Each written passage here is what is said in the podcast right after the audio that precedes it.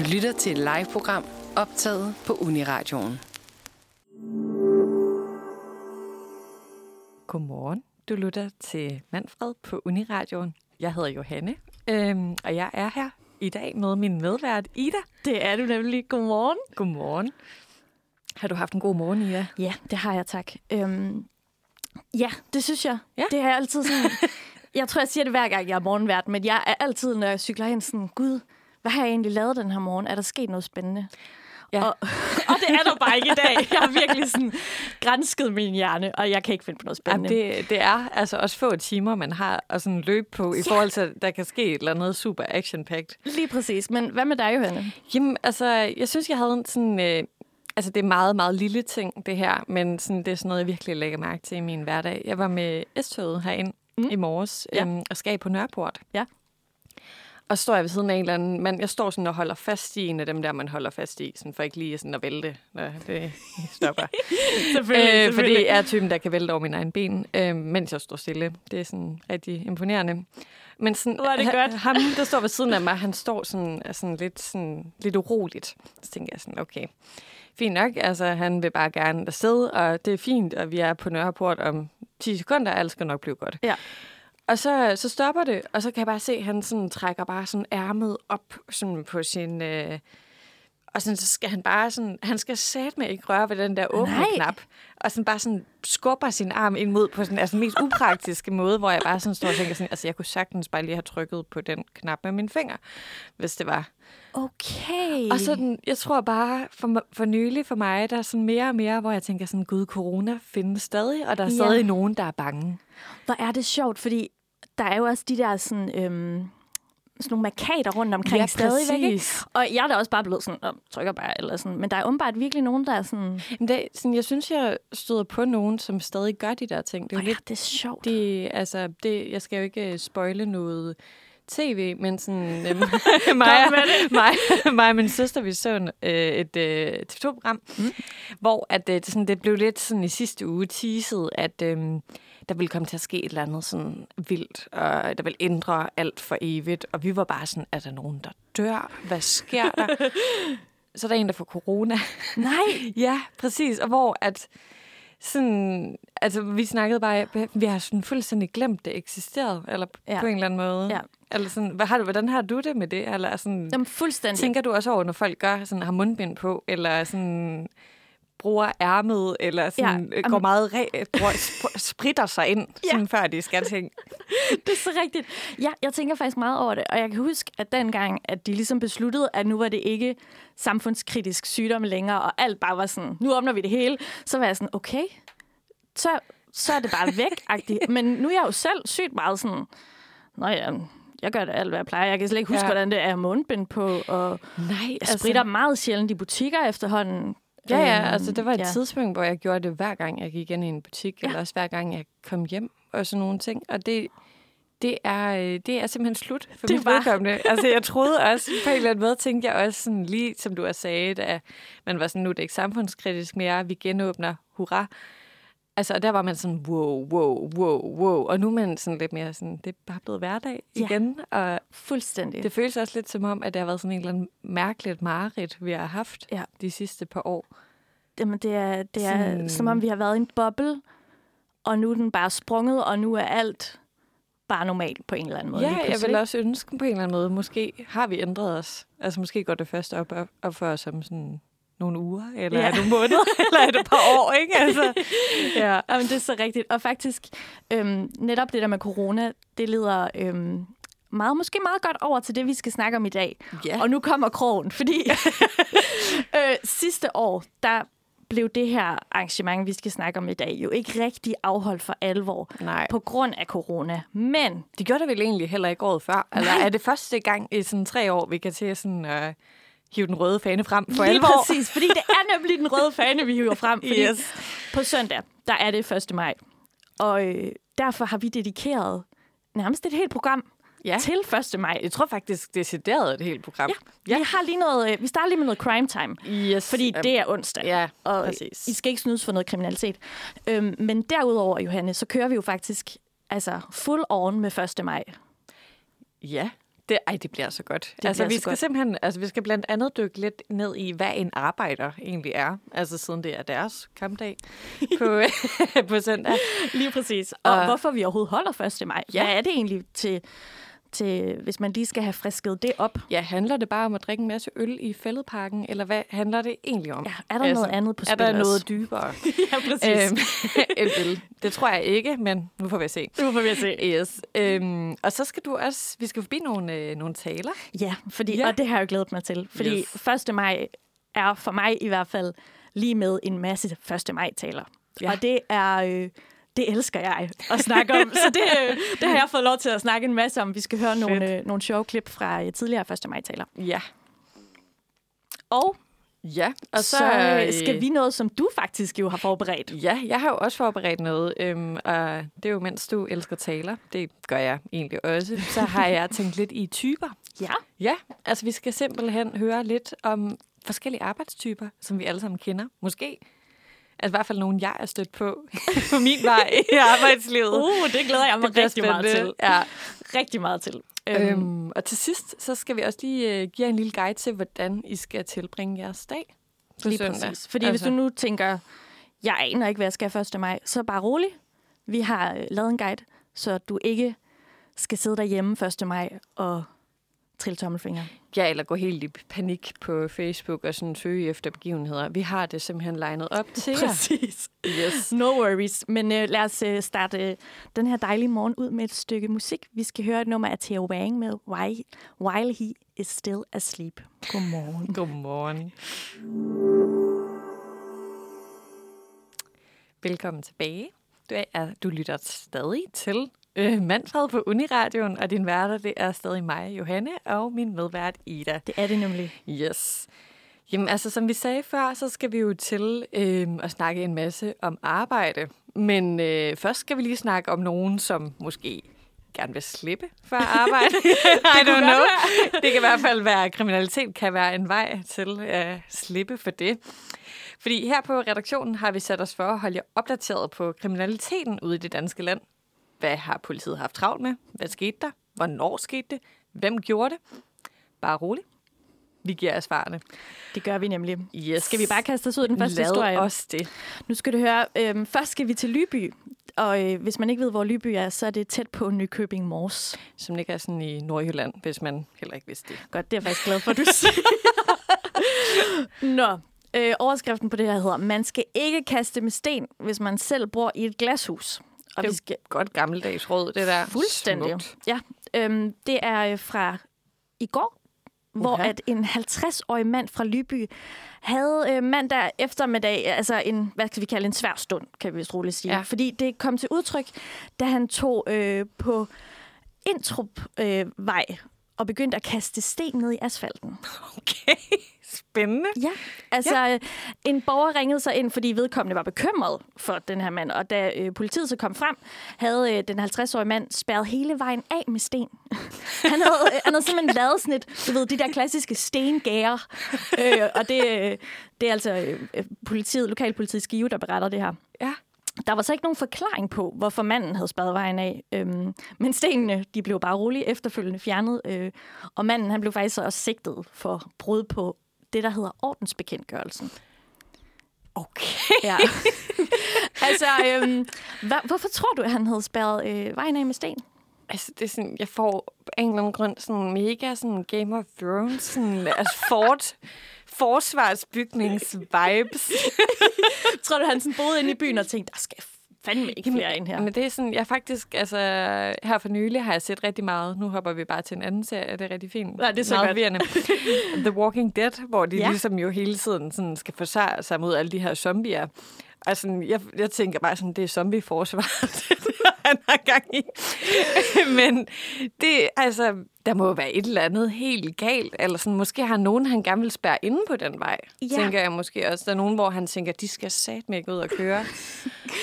Jeg havde også tænkt sådan, øhm, fordi da jeg hørte historien, så tænkte jeg, er det småsten, han har kastet ned? Ja, fordi i Først starten troede jeg, sådan en, ja, han stod bare sådan og kylede ja, dem ned du ved, i sådan nogle jorden. perlesten eller ja. Et eller andet. Men når det er et stengære, Ja. så tænker jeg på en eller anden måde, at det er mere en... Altså, ved, det må i hvert fald være perlesten. sådan en øh, øh, brostenstørrelse. Ja. kampesten måske, Kamp- ja, hvis han har sådan- været rigtig stærk, ikke? Ja, præcis, fordi jeg stod nemlig også og forestillede mig, at han bare sådan kyldede en masse småsten, sådan, sådan, som et sådan lille barn, når man bliver sådan Ja, lidt præcis. sur hård på livet, ikke? øhm, Det kender vi jo alle sammen det kender vi alle sammen godt. Ja. Men jeg har bare aldrig nogensinde været så sur, at jeg bygget et stengær. Altså, Nej. Imponerende i sig selv, synes jeg. Isoleret set, virkelig en flot øh, Altså, præstation. enormt. Altså, sådan, måske har han bare haft lyst til at bygge et fort. Altså, sådan forsvare vejen. Det tror jeg også. Altså, Oh, ja. Nå, lad os øh, hoppe videre til næste historie. yes. Jamen, altså, og nu skal vi simpelthen til, til Stævns. Ja. Øhm, og den her hedder Mistænkeligt affald i skov. Den er fra i mandags. Klokken 13.07 fik politiet en henvendelse fra en jæger. Ej, fedt, du griner allerede. Ej, jeg tror, det er bare, jeg kom til at tænke på blinkende lygter og sådan noget, og, ja, og jæger og sådan noget, men yes. Okay. Klokken 13.07 fik politiet en henvendelse fra en jæger, der havde konstateret en kraftig lugt af noget rådent i et skovområde sydvest for Vråby, som bare ligger på Stævns. Okay. Yes. Politiet kørte til stedet og fik med hjælp fra jægeren udpeget stedet nogle få meter inde i skoven. Kriminaltekniker, okay, øh, blev tilkaldt og deltog i undersøgelserne af det nedgravede biologiske materiale, som ikke stammede fra et menneske, men derimod formentlig fra et eller andet dyr. Uh. Øh, politiet vurderede herefter, at der ikke lå nogen forbrydelse bag det nedgravede biologiske materiale fundet i skoven, hvor naturens gang med tiden vil sørge for destruktion. Det er sjovt, at man... Der må være nogen, der har gravet det dyr ned. Ja, Eller altså hvad? måske øh, sådan... Øh, ja, det tænker jeg. Altså, eller også er det bare sådan et dyr, der har dræbt et andet dyr. Og sådan, Ah, så det ikke har været sådan, du ved... altså, til sådan, det, jeg synes, det er virkelig sjovt. Eller, det, er jeg ved ikke, om det er sjovt, men det er, sådan, Jo, det, er, det er det. sjovt. Det der med, at sådan, der kommer kriminalteknikere ud, og sådan, der bare kommer det helt store, sådan, er der en seriemorder på spil-agtig drama. Sygt Så meget, ja. sådan, det var ikke et menneske. Så vi går videre. Bare roligt. Det var nok bare et rådyr eller et eller andet. Ja. Ej, det er så godt. Ja, altså jeg tænker, hvad kan sådan lugte så dårligt? Altså tænker du ikke, de ville have skrevet det, hvis det bare var en kat? Altså fordi sådan katte, synes jeg ofte er dem, man ser ligesom døde i. Jo, det er, Ja, altså, det er det typisk- typisk katte, vi finder på døde sted. Jamen, men det ikke dem, der ofte bliver kørt ned af en bil eller et eller andet. Altså, det er sådan i hvert fald det, jeg forbinder det meget med. Jo, det er du ret i. Eller sådan et pindsvin, eller sådan... Ja, Ja, sådan Jeg er totalt enig. ja. Åh, oh, kan du klare det i det? var meget sødt sagt. Øhm, nå, skal vi lige slå op den sidste historie hurtigt? Fordi ja. øh, der er vi også tilbage til i mandags, og øh, historien hedder to på en knallert. Uh, uh.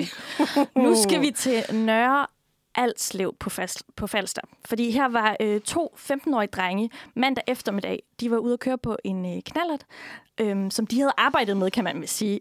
Øh, men turen den blev afbrudt, fordi de blev standset øh, på øh, Nørre Alslev Langgade kl. 17.06. Yes. Og i første omgang, så kan man sige, så forsøgte de at stikke af øh, fra politiet. Den klassiske manøvre, ikke? Øhm, men øh, det lykkedes ikke. Øhm, den 15-årige, som så kørte knallerten, øhm, og som er fra lokalområdet faktisk, han blev sigtet for ikke at rette sig efter politiets anvisninger. Og passageren, han blev sigtet for at sidde bagpå. så øh, den 15-åriges forældre og de sociale myndigheder også faktisk er underrettet om sagen. Hold Ja. da op. Øhm, Johanne, jeg skal bare lige kort høre her, inden vi hører et stykke musik. Har du, øhm, har du nogensinde siddet bag på en knallert? Eller Ikke. en cykel? Altså, ja, på en cykel er faktisk også engang blevet stoppet af politiet. For at Nej. sidde bag på en cykel. Din crime rider. Ja, altså, men altså, vi slap simpelthen med en advarsel. Vi kørende ned. Altså, jeg tror, det var sådan en sommeraften. Øhm, og så kan vi sådan se den her politibil, der kommer op på siden af os. jeg, er sådan, jeg tror, jeg har været sådan 12-13 år på det her tidspunkt. Ja. Kigger bare sådan politibetjenten bare ud af vinduet, og så er han bare sådan, hej prinsesser, Ej. hvad har I gang i? Ej, nej, det, nej, var nej, sådan, nej. det var også lidt klamt, ikke? Øhm, og så kom vi sat med hurtigt af den cykel, begge to. Der skulle sat med Der, bare væk. der altså. blev simpelthen trukket resten Ej, af vejen. hvor er det godt. For vores vedkommende. Nå. Men altså, der var heldigvis ikke noget med sociale myndigheder og forældre, der blev involveret. det slap vi lige det akkurat slap for. vi simpelthen for. Yes. Godt. Jamen, altså, så tænker jeg simpelthen, at vi skal høre lidt, til at høre lidt musik. Øhm, og vi skal have en sang, der hedder Ikke OK med øh, Højlund. Det skal vi. Og så snakker vi 1. maj lige om lidt. Yes. Nej, det er slet ikke okay. Men øh, noget, der er rigtig okay, det er, at øh, vi har 1. maj tema i dag. Fordi yes. på søndag er det nemlig Arbejdernes Internationale Kampdag. Og det skal vi fejre og markere resten af dagen i øh, Manfred. Så, øh, og vi starter sådan øh, stille og roligt ud. Kan vi godt sige det, Johanne? Jo, Øhm, fordi det gør vi. øh, vi er jo, altså, man kan sige, i dag og på søndag svinger med de øh, røde faner, og ligesom sætter arbejderen og ja, arbejdet generelt i fokus. Øhm, og øh, det er jo både arbejdernes festdag, men det er altså også politikernes mulighed for ligesom at vinde nogle flere stemmer. Øhm, og øh, der er jo altså de her taler, vi kommer til at snakke mere om senere. Øhm, men nu starter vi så bare lige med den her kampdag. Hvordan er den overhovedet opstået? Så det vil vi altså lige øh, gøre jer meget klogere på nu. Yes. Jamen, altså, vi starter simpelthen med i at gå 150 år tilbage i tiden. Altså, cirka. Det er nærmere bestemt 1856. Altså, det tror jeg så faktisk næsten 170 år tilbage i tiden. Ej, Men cirkus, ikke? Ja, men cirkus. Øhm, ej, der kan man godt mærke, sådan, jeg tror, vi på den her redaktion, er mange af os, vi er jo alle sammen født i 90'erne, jeg tror, mange af os har en følelse af, at vi stadig er i nullerne. Det tror jeg også, og vi er mange humanister. Ja, Øhm, yes. det ved jeg ikke, om man siger noget. Nå. Yes. Men okay, vi er i 1856. Øh, og vi skal til kænguruens hjemland. Øh, stedet, der har sommer i januar, og ikke mindst landet, som har skænket os Hemsworth-brødrene. Jeg har nok allerede gættet det. Vi skal nemlig pakke kufferten og til Australien. Det var nemlig her, at ideen til en fridag for arbejderne opstod. Altså det er altså så, sådan, simpelthen startet som en fridag for dem. Nice. Yes, altså det var godt, de mindst fik en dag. Tillykke med det. øhm, det var selvfølgelig de nye tilflyttede englændere, der tog en fridag den 1. maj. Ja, ja. Altså, de har jo Ah. altid ligesom kunne øh, hævde deres ret. Smart gjort af dem, ikke? Smart. Altså, det har gjort mange smarte ting gennem tiden, var. Øhm, de tog simpelthen en fridag den 1. maj for at holde møder og fester til fordel for kortere arbejdsdage. Det er jo meget fedt, kan Det er, man jo, sige. det er jo meget, meget smart. Men så øh, 30 år efter, Ja. så øh, begyndte de amerikanske arbejdere ligesom at følge trop. Mm-hmm. Øh, og de øh, demonstrerede for at få nogle kortere arbejdsdage. Ja. Øhm, og så skal vi altså lige rejse tre år frem i tiden til 1889, hvor vi så sidder til bords. Du skal forestille dig, Ja. at vi sidder til bords med den her øh, marxistiske, internationale, øh, socialistiske kongres i Paris den 1. maj. Øhm, her var der 24 nationer, der deltog, og Danmark var en af dem. Og det blev officielt vedtaget, at den 1. maj den skulle blive en international kampdag for arbejderne. Og så i øh, 1. maj 1890, der startede den øh, tradition, som vi så, øh, vi så holder indtil videre. Og det er altså, og nu kommer tallet, 132 år siden, at den første arbejdernes internationale kampdag, den blev holdt. Og det, det kan vi simpelthen bekræfte, det er rigtigt. Det er nemlig det, det, fuldstændig er, det er rigtigt. præcis. Øh, Tallet første er gang rigtigt. i det her. Lige præcis. øhm, og man kan sige, at dengang, så det man demonstrerede mod, øh, eller man demonstrerede for, det var bedre vilkår for arbejderne. De ville altså gerne have du ved, bedre løn og bedre forhold. Øhm, blandt andet de her kortere arbejdsdage. Men så i slutningen af 1800-tallet, der var, eller før i slutningen af 1800-tallet, der var forholdene sådan, øh, ikke specielt gode, kan vi vist godt Ej. sige. Altså, øh, deres arbejdsdage, de kunne ligesom være øh, 15 timer lange. Hold da Ja. op. Altså, puh. Så de blev meget hurtigt nedslidt også. Øhm, arbejderne de blev faktisk kaldt proletar. Øhm, og øh, denne dag er derfor så kommet som et modsvar til hele kapitalismen, som ligesom man kan sige, den omslutter over vores samfund. Og det er, jo, det er jo derfor altså, i dag stadig meget relevant, selvom vi så ikke har de samme leveforhold, som man måske ja, havde der i slutningen af 1800-tallet. Ja, altså, og vi kan jo godt sige, sådan i dag har vi måske en sådan ny, ser vi nogle nye tendenser i forhold til at arbejde. Altså, vi i dag måske identificerer og lever meget for vores arbejde. Og det sådan, hænger meget sådan, øh, sammen med, hvem vi ser os selv som. Helt ikke? sikkert, ja. Øh, altså, vi skal alle sammen arbejde længere, for at vi kan gå på pension. Altså, jeg tror, jeg sådan på et tidspunkt tjekkede, hvad min pensionsalder så kan være. Jeg Åh. kommer nok til at være fyldt 70. Ej, hvor dejligt. Ja, det er rigtig dejligt. Øhm, Altså, men jeg tror, det er vigtigt, eller sådan, at vi stadig husker på, at vi har nogle rettigheder i forhold til også at holde fri. Øhm, og der har jo også været alt muligt med noget arbejdskritik, og sådan kritik af det her med kapitalisme, med at man også udnytter mennesker. Helt til, sikkert, ja. At, altså, at, at, at tjene penge på dem, ikke? Øhm, Altså, og det, jeg tror, det er derfor, det på en eller anden måde stadig har sin relevans, at vi holder den her dag. Altså, det ikke bare kun handler om, øh, om øl og taler og hygge. Ja. øh, men altså, det også handler om at sætte fokus på, altså, bliver vi faktisk udnyttet, eller sådan, er vi også blevet sådan lidt... Øh, altså, sådan... Øh, lokket til at tro, at det er sådan en til en med vores identitet, hvad vi laver, Ja. i stedet for, hvem vi er. Præcis. Øh, yes. Jamen, altså, Ida? Ja. Jeg tænker lige at spørge dig her til sidst. Altså, har du øh, nogensinde haft et lortejob med lorteforhold? altså, sådan et rigtigt, hvor du for alvor blev udnyttet. Du oh. mærke det.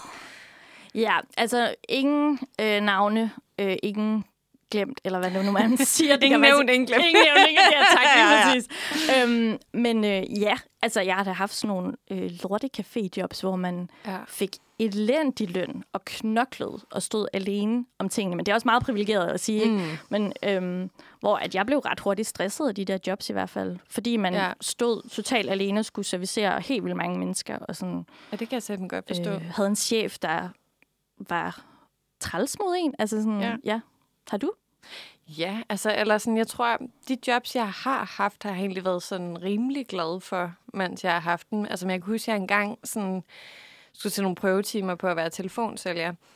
Og der får man sat med dårlig løn, og øh, sådan, altså, det var bare et arbejdsmiljø. Jeg tænkte sådan, det, det bliver en kæmpe øh, nej tak herfra. Ja, lige til at lukke op og skide Ja, for altså der det var jeg heldigvis sådan, øh, 19 og godt kunne sådan mærke mine egne grænser, Ja, for hvad jeg gad bruge min tid på.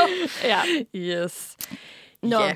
Men, men men- altså, man skal jo også have en dejlig kold øl på, på søndag, og det kommer der også en lille guide til senere. Men først skal vi lige til at høre et øh, stykke musik nu. Det skal vi. Vi skal nemlig høre et nummer af Walt Disco, der hedder How Cool Are You? God formiddag og velkommen tilbage til Manfred her på Uniradioen. Øh, jeg hedder Johanne, stadigvæk. Øh, og min medvært hedder stadig Ida. Det gør jeg. jeg tænker bare at køre den intro. Lige præcis. eneste Så gang. rigtig god, rigtig kreativ.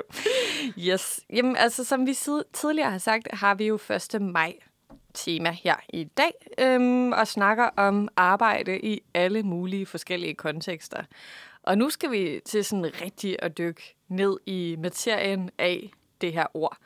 Hvad er en arbejder? Har vi, det spørgsmål har vi stillet os selv her på Lige præcis. øh, redaktionen. Et vigtigt spørgsmål ja. jo egentlig, sådan en dag som i dag. Øhm, ja, Øhm, ifølge den danske ordbog, lad os lige starte der, Okay, så er yes. en, øh, en arbejder øh, defineret således, og nu læser jeg lige højt. Øhm, faglært eller ufaglært person, der mod betaling udfører overvejende fysisk arbejde, især inden for industrien.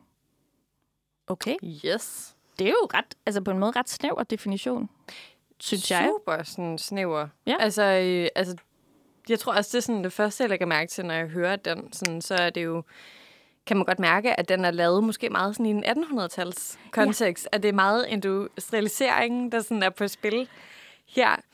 Jeg Helt tror, sikkert. det er sådan, men det er jo også noget af det, man snakker meget om sådan i dag, er sådan, har den sidste arbejder, eller sådan i den her forstand, altså sådan, har, er han død, eller sådan, er, Ja. lever han lige nu, ikke? Altså, fordi der er jo meget af det der fysiske arbejde, som ligesom er blevet, øhm, i hvert fald det der, der er meget sådan lønbaseret, som efterhånden sådan stille og roligt bliver sådan udfaset af maskiner. Ikke? Fuldstændig, ja. Det er, vi, arbejderen kommer længere og længere væk på en eller anden måde fra det, det startede som. Øhm, ja, fordi ja, verden jo bare har, har ændret sig, må man virkelig sige. Øhm, ja, og ja, som du siger, at, at tingene er blevet i højere grad digitaliseret og kan gøre kan mm. gøres på andre måder. Og det der, jeg tænker også det der med fysisk arbejde, ikke? Altså, i dag er meget arbejde jo også at sidde ved en computer. Ja, hvor præcis. man jo typisk, altså det eneste, du kan bevæge dig, det er at hæve dit hæve sænkebord, og så stå op i 10 minutter for at være sådan, ej okay, nu vil jeg godt sidde ned Ja, igen. vi, vi får jo lidt nogle andre skader i dag. Altså, en, øh, altså det der med sådan en, en rygskade er jo lidt noget andet med at have siddet for meget ned, end at have båret for tungt. ikke? Lige præcis. Eller Øhm, musearmen, eller hvad det nu hedder. Ikke? Ja, eller sådan dårligt. Altså sådan, jeg kan mærke, at mit syn er blevet dårligere de sidste par år. Det på grund af, at rigtigt? jeg har siddet så meget ved en skærm. Nej. Ja, det er sådan, det er, altså jeg fik at vide hos min optiker, det er sådan en typisk ting Ej. for sådan studerende på min alder. Sådan, Nå, jeg skulle lige til at sige, Johanne, du er jo kun... jeg er kun 26. Ja. Men hun var bare sådan, det sker for jer alle sammen, tænkte jeg sådan, nå, spændende. Fedt. Ja, Altså, ja, der er lang vej igen. der er lang vej igen øh, til pensionen, altså, Ja. som vi også talte om før. Men altså, der er faktisk også kommet nogle mere opdaterede definitioner af arbejderen. Øhm, og en af dem er, der kom i 2013, og den lyder sådan her. Arbejderklassen er defineret som faglærte og ufaglærte, der er i arbejde, men ikke har ledende positioner på deres arbejdsplads. Så det er jo sådan lidt mere simpelt. meget mere, og understreger at hele det der sådan, klasseforskel også på en eller anden måde. Ikke? At arbejderen bliver ikke set som en, der er en leder, mellemleder, øh, direktøragtig, men typisk er gulvarbejder, så at sige, på en eller anden måde. Ikke? Ja, og sådan, jeg tror, at det kommer lidt tilbage, det vi har snakket om før med sådan kapitalisme. Altså med, at det er den person, der ligesom er lavest i fødekæden, og den, der sådan, hvis arbejdskraft bliver sådan udnyttet en Ja. smule. Også. Det, altså, man kan jo sagtens have en rigtig god arbejdsgiver, og der er jo også rigtig meget fokus på, at man har altså, øh, nogle gode vilkår. Øhm, men altså, det er netop af den her person, som lidt arbejder for andre, altså, og arbejder for, en, øh, en, at få nogle penge i hånden. ikke? Altså, ja, ja. Jamen, det, øh, øhm, det er vildt. Altså, nej, ja, det synes jeg bare, det er. Nå, men øhm, ja, det, altså, selvom det måske lyder som en mere øh, simpel definition, den her, så er der jo også nogen, der synes, det måske er en lidt for bred definition. Mhm. Mm-hmm. Og at den så ikke er helt, hvad kan man sige, repræsentativ nok, øhm, fordi den ligesom også bør omfatte alle de ledige mm. Også. Øhm, så derfor så er der et andet forslag på en ja. Definition, og nu skal du høre, den hedder, at man ligger i den midterste eller nedre ende af indkomstskalaen. At man kun har ringe eller ingen indflydelse på sit eget arbejdsliv. Og endelig, at man i højere grad er udsat for fysisk nedslidning som følge af sit arbejde. Så man kan sige, her er der mange forskellige faktorer, der ligesom. Ja. er blevet, blevet taget ind i definitionen på en eller anden måde. Øhm, men altså meget det der fokus på, på økonomi, ikke? At man... Ja, og igen, altså meget sådan... Jeg føler, at vi sådan lidt bevæger os hen i sådan den der sådan kritik af kapitalismen. Sådan igen, det er som om, at den også er lidt er ved at få et, øh, et comeback. Ja, ja. Altså, men det er jo også, altså, jeg jeg synes måske også, det der er interessant i det, det er, at hvis man sådan udelukkende fokuserer på dem, som øhm, altså ikke har en lederposition eller lignende, eller sådan, altså, øh, er dårligere stillet. Altså, jeg tror måske, sådan, jeg synes, det vil være interessant at have et fokus på, at alle, øhm, altså den her sådan, at alle måske godt kan genkende den her tanke om at blive udnyttet lidt i det, man laver. Det tror jeg, du har så ret i. Altså, det er det måske det, der sådan skal fokus på. Altså, sådan, hvad er det egentlig, vi gerne vi vil med at have et arbejde? Altså, er det kun for at kunne have råd til vores fritid? Eller er det sådan, skal det være identitetsbærende? Skal det være sådan, altså, fyld alt? Altså, hvad, hvad, sådan, hvad er den perfekte vej? Men det er måske også det, der er svært. Fordi det er jo forskelligt fra person til person, ikke? Ja, men det er da helt klart nogle diskussioner, vi i højere grad, synes jeg, er begyndt at tage, og I ja. Sikkert også i højere grad kommer til at tage, eller i hvert fald er vigtige ligesom mm. at, øh, at tage, tænker jeg. Ja, altså hvad, hvad er arbejde? Altså, hvad for en type arbejder ser du dig selv som, Ida? Tænker jeg måske er sådan meget sådan et godt spørgsmål lige at slutte af med her. Åh, men nu skal du høre, jeg har jo altså helt fra jeg var helt lille tænkt, I'm a businesswoman. Jeg drømte om at være øh, arbejde i New York Ja. og være advokat. Yes. Jeg tror, jeg havde set lidt for meget Amy's ret dengang. Ja, det eller sådan, jeg tænker også sådan Sex and the City og Ja, sådan totalt. Miranda. Og så vil jeg også gerne være designer. Så du ved, jeg vil ligesom have flere karrierer, og jeg forestiller Ja. mig selv gå gennem gaderne med en telefon i hånden, og snakke, og samtidig skrive noget på en blog-agtig. Ja. Øhm, Det lyder, sådan, det lyder virkelig sådan krævende, sådan håndmæssigt. Ja, ja det kan, jeg kan jeg godt lidt se egentlig. Måske øh, have earplugs i, så Ja, eller så måske er den skubbet sådan, altså jeg Ja. tænker, det er også meget sådan en gammel tanke med sådan en klaptelefon, man har skubbet op sådan, øh, mellem sådan skulderen og sådan øret. så går man med en blok, og sådan der, man er rigtig... Ja. Jamen, det, Det, jeg skal lige høre dig også, Johanne. Hvad tænkte du? Jamen, jeg tror, jeg har haft meget sådan øhm, samme tanke. Altså, øh, altså, jeg tror efterhånden, jeg godt ville kunne kalde mig øhm, journalist. Jeg Det må godt- man sige. Ja. Og jeg tror, at sådan... Øhm, at øh, jeg har også haft den der meget sådan...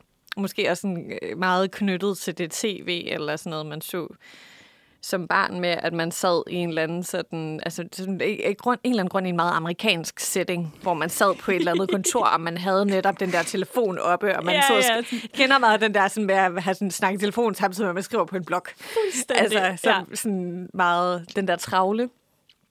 Øh, altså, ja, ja, Vi bare drømt om at få stress nærmest. ja, ikke? præcis. Altså, og det siger måske noget meget interessant om, hvilket sådan, Meget samfund vi er vokset op i. Fuldstændig. Yes. Virkelig. Nå, dejligt. Men det er godt med to stærke, selvstændige kvinder. Fuldstændig. Hvad man sige? Strong, independent woman. Yes. Ja. Godt. Vi, lige om lidt så skal vi snakke, øh, dykke mere ned i 1. maj, og nærmere specifikt talerne, uh, der bliver holdt. Så spændende. Øh, lad os snakke lidt om det, men først noget musik. Vi skal nemlig høre et nummer af Kom vi løber, der hedder I kraven i knollen. Velkommen tilbage til Manfred. Det er onsdag, og vi er på Uniradioen, og du er i selskab med mig, Johanne, og med, med min medvært, Ida. Yeah. Ja. I dag handler det om arbejde. Altså, jeg havde virkelig lyst til sådan at begynde at synge, synge en eller anden arbejdssang sådan her, men så var jeg sådan, gud, hvad er der egentlig? Sådan, Øh, når jeg ser et rødt flag. Præcis. Er det en, er det en arbejdssang? det, det føler jeg lidt er sådan...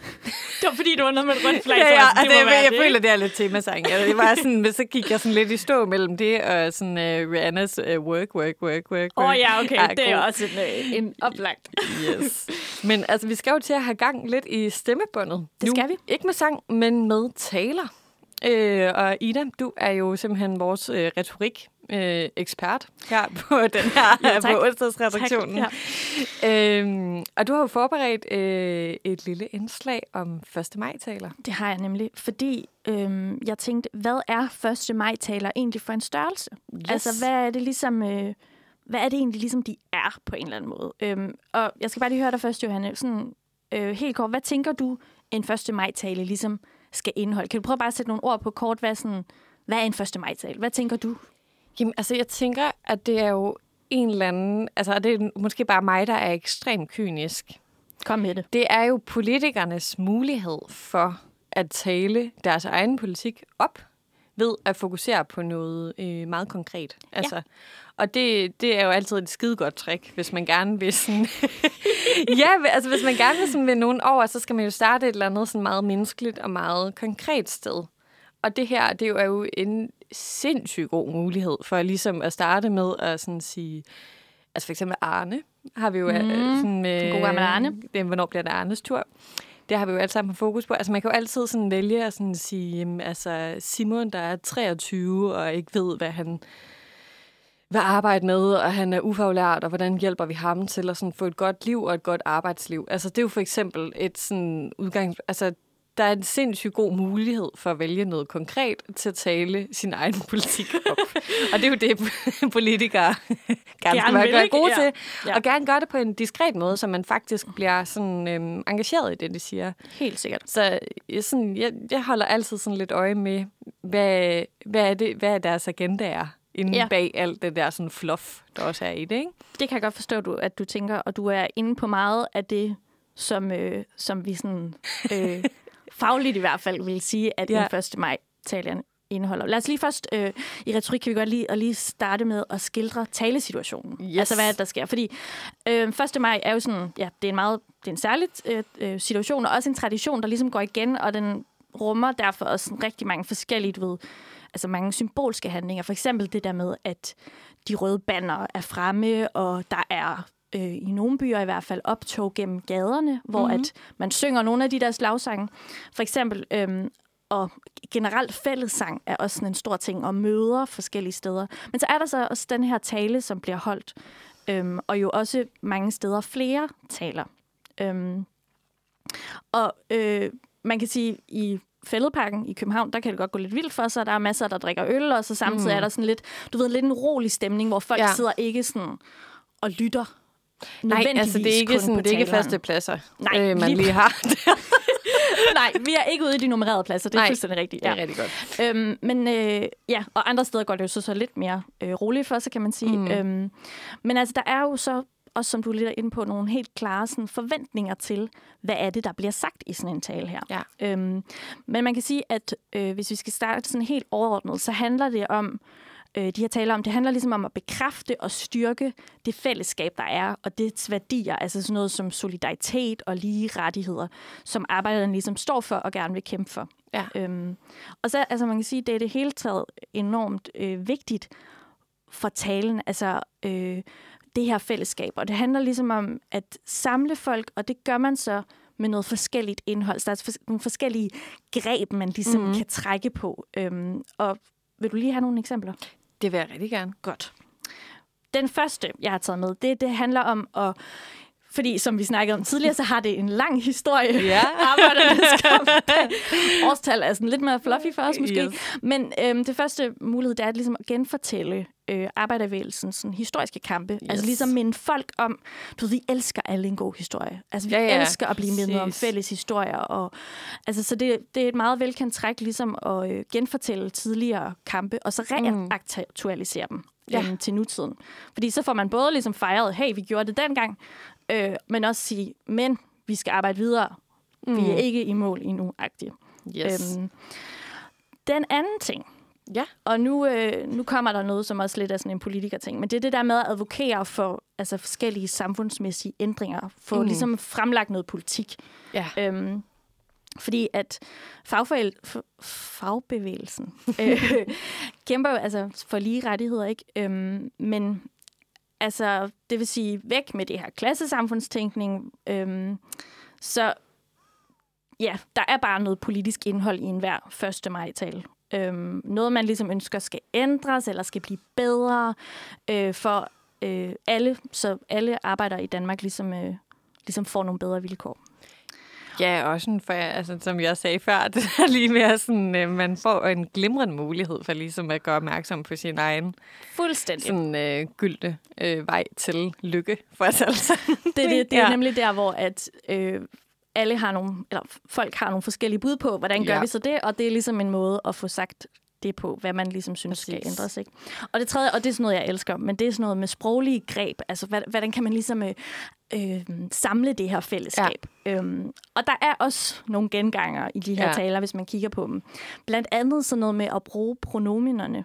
Øh, ved du, hvad pronomen er? Ja. Stedord? Ja. Godt, det er, det er fordi, det er først lige, jeg er dårlig til de Ja. der øh, latinske, men altså, det er sådan noget med at bruge vi og os. Ja. Vi skal ud og kæmpe. Det er en, Ja. ja det er Så man dårligt. sådan ligesom sætter fokus på fællesskabet. Lige præcis. Ja. Øhm, ja, det er faktisk... Så det er ikke du, eller det er ikke jeg, eller det Nej. er ikke mand, Nej. men det er vi. Vi er et fællesskab, Ja. så det er en måde at konstituere det her fællesskab på, Ja, ved at bruge det, det. det er skidesmart. Det er det nemlig. Ja. Og så er det faktisk heller ikke unormalt, at man ser i taler, at folk kalder øh, sit publikum for kammerater. Eller, okay, det lyder lidt gammelt, men man gør det faktisk Ja. stadig. Det er ret vildt. Eller venner. Ja. Ja. Nu skal I høre her. Altså, du ved, også bliver sådan lidt... Øhm, både sådan en, vi er i... Jeg er med jer-agtig, Ja. og sådan en... Øh, øh, måske sådan lidt mere casual Ja. måde at tiltale. Ja, og det, er sådan, det vil jeg på. sige, sådan, altså kammerater, sådan min, øhm, det er både sådan, for, for mig kommer det også til at lyde sådan, sådan lidt krigsagtigt. Eller sådan, nu skal vi rigtig ud og er marchere sammen. Ja, Det er faktisk... altså, men på sådan en venneagtig måde. Altså, Fuldstændig. Der, der har du Ja. virkelig, virkelig ret i. kammerater. Altså, jeg synes faktisk, det er et ret fedt ord. Altså, Ja, ikke? ja, det lyder fedt. Det, jeg synes altså, det er Ja. meget fedt. Nå, men, øhm, men hvem er det så, der taler? Altså, du er lidt inde på det der, Johannes. Du siger med, Ja. at det er typisk politikere, vi hører, ikke? Mm. Øhm, men jeg vil godt lige prøve at afspille et klip for dig øhm, fra 1. maj 1986. Uh. Skal jeg have det rigtige årstal? Nå, er du klar til at høre det? Yes. Godt. Øh, Skal vi se. Det skulle være Måns Glistrup. Kan du høre Glistrup? Ja, goddag, goddag. Goddag, goddag. Og hjertelig velkommen hertil. Tak, tak. Ja, Glistrup, du har været over i Fælledparken i dag og holdt tale. Ja. Og hvad laver Fremskridspartiet egentlig i Fælledparken i dag? Jamen, kan snart sige, hvad laver de andre partier? Som forholdene er i dag, så er arbejderens største fjende indkomstskatten. For en arbejder 5 kroner mere i timen, så hugger indkomstskatten straks broderparten, løvens part med 3 kroner. Så har man 2 kroner tilbage, og dem skal man så betale moms og benzinafgifter og alverdens andre djævelskaber af. Så derfor arbejderens interesse i dag på sin store helligdag, det er at se Fremskridtspartiet i højsædet.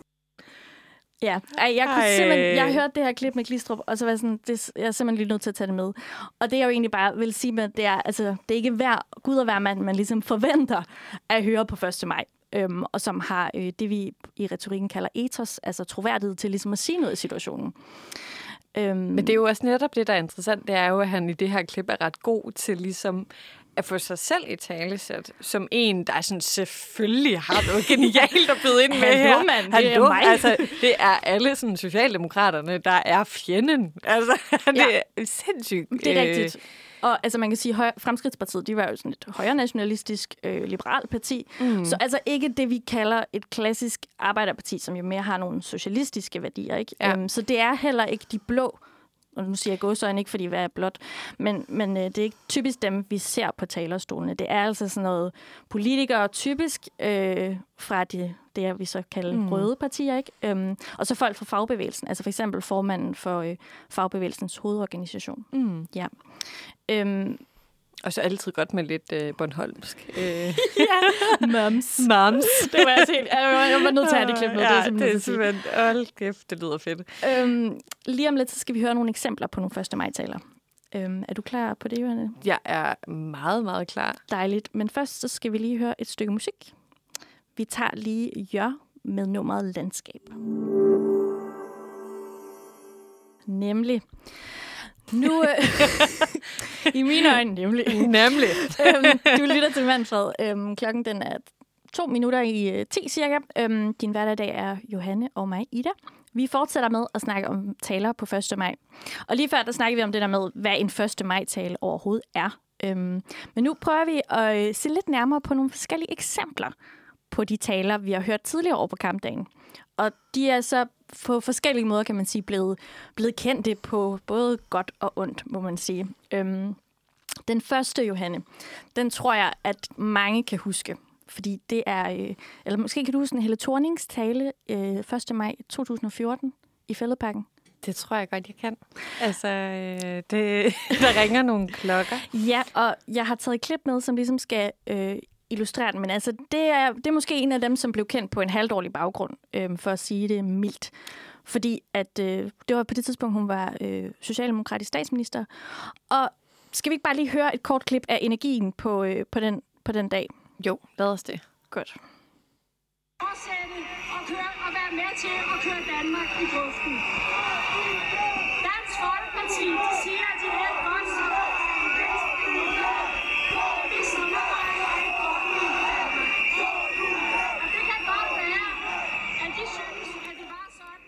Ja, altså, øh, Hold da der er op. sådan en rimelig dårlig stemning, skal vi bare sige det på den måde. Øhm, det, var, det var op ad bakke at være hele den dag, øhm, må man sige. Fordi at, altså, det meste af talen blev overskygget af de her fløjteaktivister, som inden der havde meldt ud, at de ville lave den her fløjte øh, demonstration. Ja. Øhm, og de, øh, de ville simpelthen fløjte hende væk fra scenen. Ja. Øhm, og så var der på den modsatte side, det man også kan høre, det er så øhm, Helle Thornings støtter, som ligesom, "Rrr, go Helle ja. ikke? Og så kampen mod de her øh, fløjter. Øhm, og uden, jeg skal nok ud, gå, ikke gå for meget detaljer med de her fløjteaktivister, men det, de var utilfredse med, Ja. det var altså den, altså den daværende regeringspolitik, fordi de mente, at den var arbejderfjendsk. Ja. Så de synes ikke, det Jamen, var i orden. godt huske, ja, at, at at hun der stod var- der, ikke? Ja. Hun blev faktisk kaldt en, øh, altså en landsforræder i flere interviews efterfølgende med nogle af de her, øh, med nogle af de her aktivister. Øhm, ja, så øh, faktisk vil du lige høre en lille øh, bonusinfo. Jamen, det er rigtig gerne. Fordi... vi skal snakke lidt mere om det her. Det er rigtig spændende. Fordi ja. året inden, så var altså, det endnu mere op ad bakke at være Helle Thorning. Okay. Der var hun øh, i Aarhus på, øh, tank, ved Tankkrogen. Øhm, fordi der var der både fløjter, som vi hørte der, men ja. Så var der altså også en aktivist, som sprøjtede vand på hende med en vandpistol. Nej, nej, nej, nej, nej, Altså- nej, nej, nej, nej. Ej, hold kæft, Det vil jeg mand. fandme, sy- undskyld sproget, synes var ydmygende.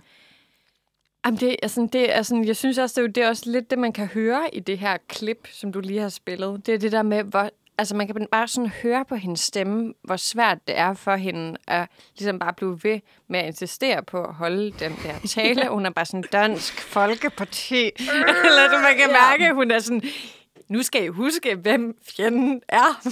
ja, men det, altså, det er virkelig sjovt. Hun kæmper virkelig. Ja, hun en- kæmper altså, en hård kamp for ja. ligesom at øhm, altså, øh, bare overhovedet kunne tale. Altså, og det, altså, jeg synes, det, det er virkelig, altså, sådan, det, det, altså, det, det tror jeg også bare, sådan, jeg selv har meget svært med det der med, at man, altså, man decideret står og fløjter nogen, Ah, eller sådan det er ikke, nogen af øh, scenen, eller sådan, jeg synes, det bliver sådan lidt, Det er dårlig stil. det er lidt ligesom sådan til som for eksempel fodbold-EM, dem der sådan øh, buer under andre landes nationalsang. hvor man tænker sådan, ej, hallo. Ja, det er et skide dårlig stil. Ja, det er skide dårligt. Ja. Nå, ja. Men fra, øh, fra en kvinde til en anden. Mm-hmm. Fordi i øh, 2016, der holdt øh, dengang øh, politisk ordfører for enhedslisten, Johannes Schmidt Nielsen, en tale. Og det specielle ved denne her var, at øh, hun stikker rigtig meget til Dansk Folkeparti. Men og det er måske egentlig ikke så specielt. Men det specielle er den måde, hun gør det på, yes. som er ret sjov. Så jeg har, jeg har taget et klip med her, også vi lige skal høre Johannes Schmidt Nielsen. Og til Dansk Folkepartis formand. Hulubulu, Christian, hvor er du henne? Du er formand for det største parti i Blå Blok. Du er alt for stor til at gemme dig bag ved Lars Lykke. Jeg har hørt Christian Thulesen Dahl sige, at Dansk Folkeparti er et arbejderparti. Men glemmer du, så husker vi. Glemmer du, så husker vi. Udover at afskaffe efterlønnen og forringe dagpengene, har Dansk Folkeparti nu lagt mandater til at skære i både kontanthjælpen og boligydelsen til Danmarks pensionister. Christian Thulesen Dahl, sådan handler et arbejderparti ikke. Hold da. Altså, jeg synes, hun er ret badass her, øh, vil jeg sige. Og øh, Hulubulu, som vi grinede af lidt i starten, det er selvfølgelig en reference til den skønne børnesang, der hedder Hulubulu.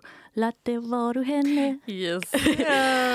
Øhm, og øh, det, der er specielt ved den her, jeg kan lige sige til den øh, sprogglade lytter, så bruger hun, det er en stilfigur, der hedder en apostrofe, Ja. det hun bruger, som egentlig bare er en direkte henvendelse til en person, som så ikke er det aktuelle publikum. Og her er det så Christian Thulesen Dahl, hun snakker direkte til. Men øhm, det er ikke kun en eksempel på, et eksempel på en sproglig finurlighed, hun har Ja. gang i her, men det er faktisk også øh, noget, der er klassisk for talen, øh, 1. maj-tale, som handler også om at positionere sig ligesom over for de andre partier. Mm. Og i tierne, der hvor hun jo taler, der er DF meget populær. Det kan vi måske alle sammen huske. Og de tiltrækker faktisk rigtig mange arbejdervælgere. Øhm, så øh, de tog ligesom hatten på nu som Danmarks øh, arbejderparti. Og det gad man skulle ikke have undskyldsproget i den røde blok. Så øh, de år, der kom efter, så blev det faktisk sådan en fast ting, at talerne ligesom skulle tale den status, de havde taget på sig imod. Ja, og det er jo også interessant. Altså, hun gør jo også det, at hun ligesom får forbundet ham til øh, Lars Lykke. Eller sådan... Ja. Jeg synes, det er vildt sjovt, at hun siger, du er sådan alt for stor, altså gemme dig bag Lars Lykke, Ja. fordi hun også bare... Altså, hun får også lidt disset sådan Lars Lykkes højde. Sygt meget. Øhm, sådan den. Altså, hun trækker altså også det, hvor hun er sådan glemmer, du, nu så, så husker jeg vi. Ja, Ikke? Altså, og hun laver vildt mange referencer helt vildt. der. Altså, Ja. ja. det er virkelig, altså, øhm, ja, jeg synes, det er ret sådan stærkt retorisk, det hun har gang i der. Jeg Fordi synes det er både virkelig, sjovt, noget. Ja. øh, men det er også meget sådan, det er virkelig et sådan frontal angreb på dem, som du også siger. Det altså, er det nemlig. Der, er, altså, hun, hun giver en max gas, skal vi ikke bare sige det sådan? Og det gør hun sat med. Øhm, hvilket jeg synes er ret, ret fedt. Det kan, det kan altså noget. Altså, det kan virkelig noget. Øhm, vi hopper lige hurtigt, fordi vi skal lige nå den nuværende øhm, statsminister, Vi skal Mette lige Frederiksen. nå Mette F. Ja, Mette F, ikke? Gode gamle. Nemlig hendes tale fra øh, 2020. Øhm, og det var det samme forår, hvor at, øh, landet lukkede ned på grund af corona. Så det særlige ved den her tale, det er, at hun jo faktisk ikke står øh, på en 1. maj scene, men hun står på Arbejdermuseet og optager så talen på video. Ja. Øhm, og jeg, vi spiller bare lige en lille smule af et klip fra, øh, fra den tale. Det føles som lang tid siden nu, at jeg desværre sagde nej til at tale i Fældeparken i år. Jeg synes, der har været for mange øh, uroligheder, blandt andet sidste år, hvor det kom til en slåskamp foran scenen. Men jeg må indrømme, at det her, det er godt nok meget stille. Jeg står i en næsten tom sal her på Arbejdermuseet i København. Holder for første gang min 1. maj-tale på video. Jeg håber selvfølgelig, I ser med derude.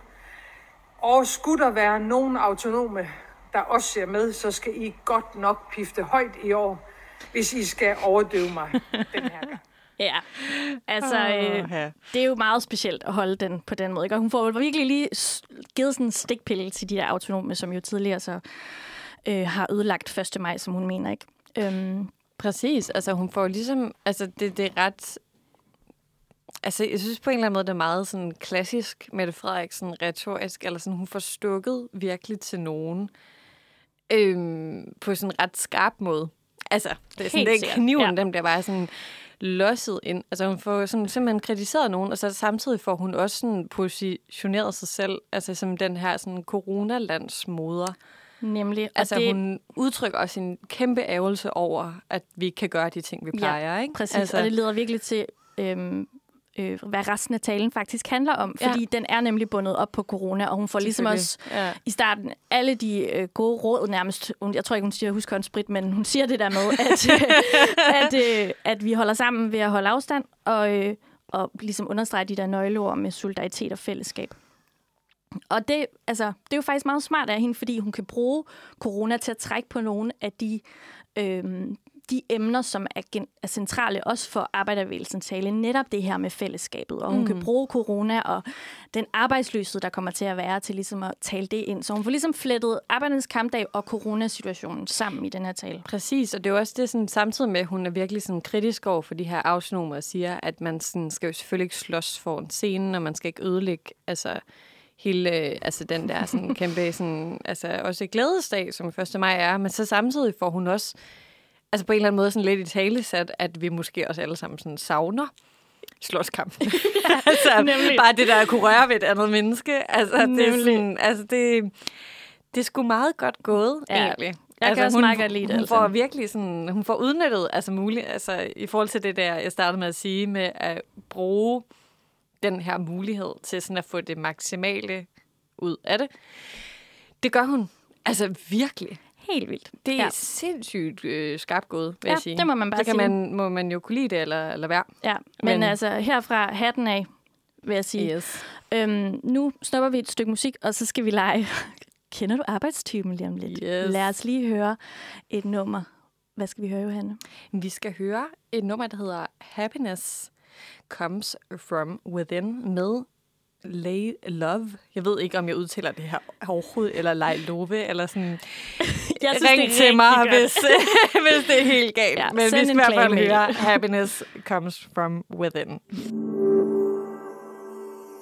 Velkommen tilbage til Manfred. Det er onsdag, og klokken er øh, 10.12. Øh, og din værter i dag, det er mig, Johanne, og øh, min medvært, Ida. Det er det nemlig. Yes. Ja, som vi teasede før, lige før det her nummer, så skal vi til at øhm, lege en lille leg. Ja! Eller, det, jeg ved ikke engang, om det er en leg, men jeg tror mere, det er en... Øhm, altså, jeg har valgt at kalde det her øh, indslag for, kender du arbejdstypen? Fedt. Åh, oh, jeg elsker det. Og det er på en måde sådan, altså jeg har, altså efter en jeg er 26, jeg har haft nogle, en del jobs bag mig. Øhm, og øh, i den tid har jeg samlet lidt på nogle forskellige typer, uh. som jeg er stødt på. Og sådan, altså de her typer, de er måske også lidt sammensurium af øh, nogle, jeg selv har mødt, og nogle, jeg har eller venner, jeg har hørt øh, fortælle om de her typer. Så altså et hvert, øh, en hver lighed med virkeligheden er, er tilsigtet, men altså måske heller ikke 100 procent, hvad, der er, hvad der er sket. Okay, ja. Men øhm, Ida, jeg tænker lige sådan at, at starte med at spørge dig, har du haft et, øh, altså sådan et, et mærkeligt arbejde, hvor du har stødt på nogle sjove typer?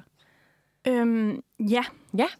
Og Det kommer til at lyde enormt fordomsfuldt, det her. Ja. Men øh, det var fordi, det var noget helt andet, end hvad jeg var vant til, skal jeg lige starte med at sige. Jeg, øh, lidt tid efter jeg var flyttet til København, så Ja. fik jeg arbejde i en 7-Eleven Uh. på en station. Ja, hvilken station? Øhm, Nordhavn station. Så en Okay. meget lille 7-Eleven. Ja. Øhm, men det, der gik op for mig, det var, hvor, øh, hvor dedikerede de øh, medarbejdere var til det, vi lavede. Altså, du ved, Ej, vi kunne sjovt. tale om øh, croissanter, og hvor vigtigt det var, at noget blev afbagt, eller er der trimmet på... Altså, der var så mange nye ord, jeg lærte. Øh, jeg vidste for eksempel ikke, det en beverage bar. Kan du lige trimme beverage baren, hvor jeg var sådan... "Øh, Hvad betyder det? Og det betyder Ej, så bare, du ved, at gøre den pæn og ren og sådan. Mm. Og hvor at, jeg tror slet ikke, jeg havde tænkt, at det var... At det Nej. var så vigtigt. Forstår du, hvad jeg mener? Jamen, det er jo, altså, jeg synes, det er virkelig, virkelig grineren, det der, du siger. For det er faktisk ikke en type, jeg har haft med, men jeg ved godt, hvem du taler om. Ja. Dem, der bruger alle sådan de der kodeord.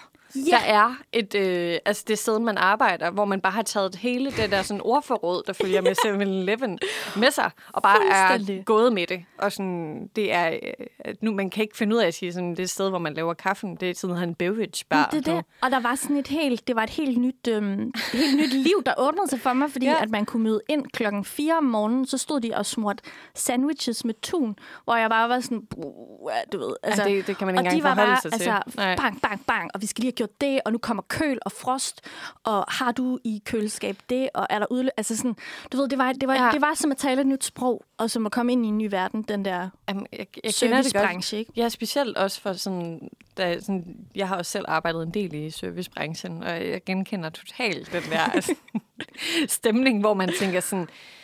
Jeg havde slet ikke tænkt livet på den her Nej. måde før, men altså... det er så rigtigt, ja. Men, øh, men Ida, jeg tænker, at øh, vi lige starter med den første type, Okay. jeg har øh, øh, fået, altså ikke fundet på, men er stødt på mm. nogle gange. At jeg har simpelthen valgt at kalde den her person for sabbatfyren. altså han kan, eller den her person kan faktisk godt være alle køn.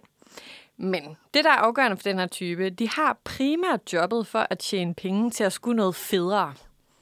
Øh, So som for eksempel at rejse eller tage på højskole. Mm, altså, som ja. jeg bare sådan tænkt, er det, det virkelig det eneste, man kan finde på i sit sabbatår? Og jeg tror, svaret er ja. Ja, jamen, det er jo klassikeren, Ja, ikke? ja. Altså, ja. Kan man andet end at rejse til højskole, eller arbejde et eller andet sted til at tjene penge til at skulle noget federe? Fuldstændig, ja.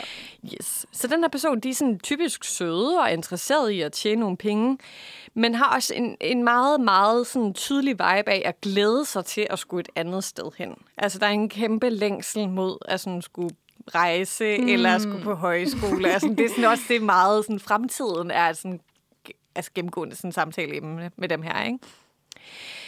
Altså, og øh, sådan, der kan jo lidt være sådan to kategorier af den her. Okay. Øhm, det kan enten være den ekstremt tømmermændsramte sabbatfyr, hvis ikke sådan alle vennerne er taget videre ud og lave fede ting endnu. Eller også kan det være sådan en, der er sådan 100% arbejdsmusen, fordi pengene skal bare tjene, så man kan komme videre og Så videre man og videre. arbejder bare 100 timer om Ja, ugen, og sådan, så alle bare, vagter, der kan tages, de Ja. bliver taget Ja. af den her person. Åh, jeg kender så meget. Kender jeg typen? er sygt meget.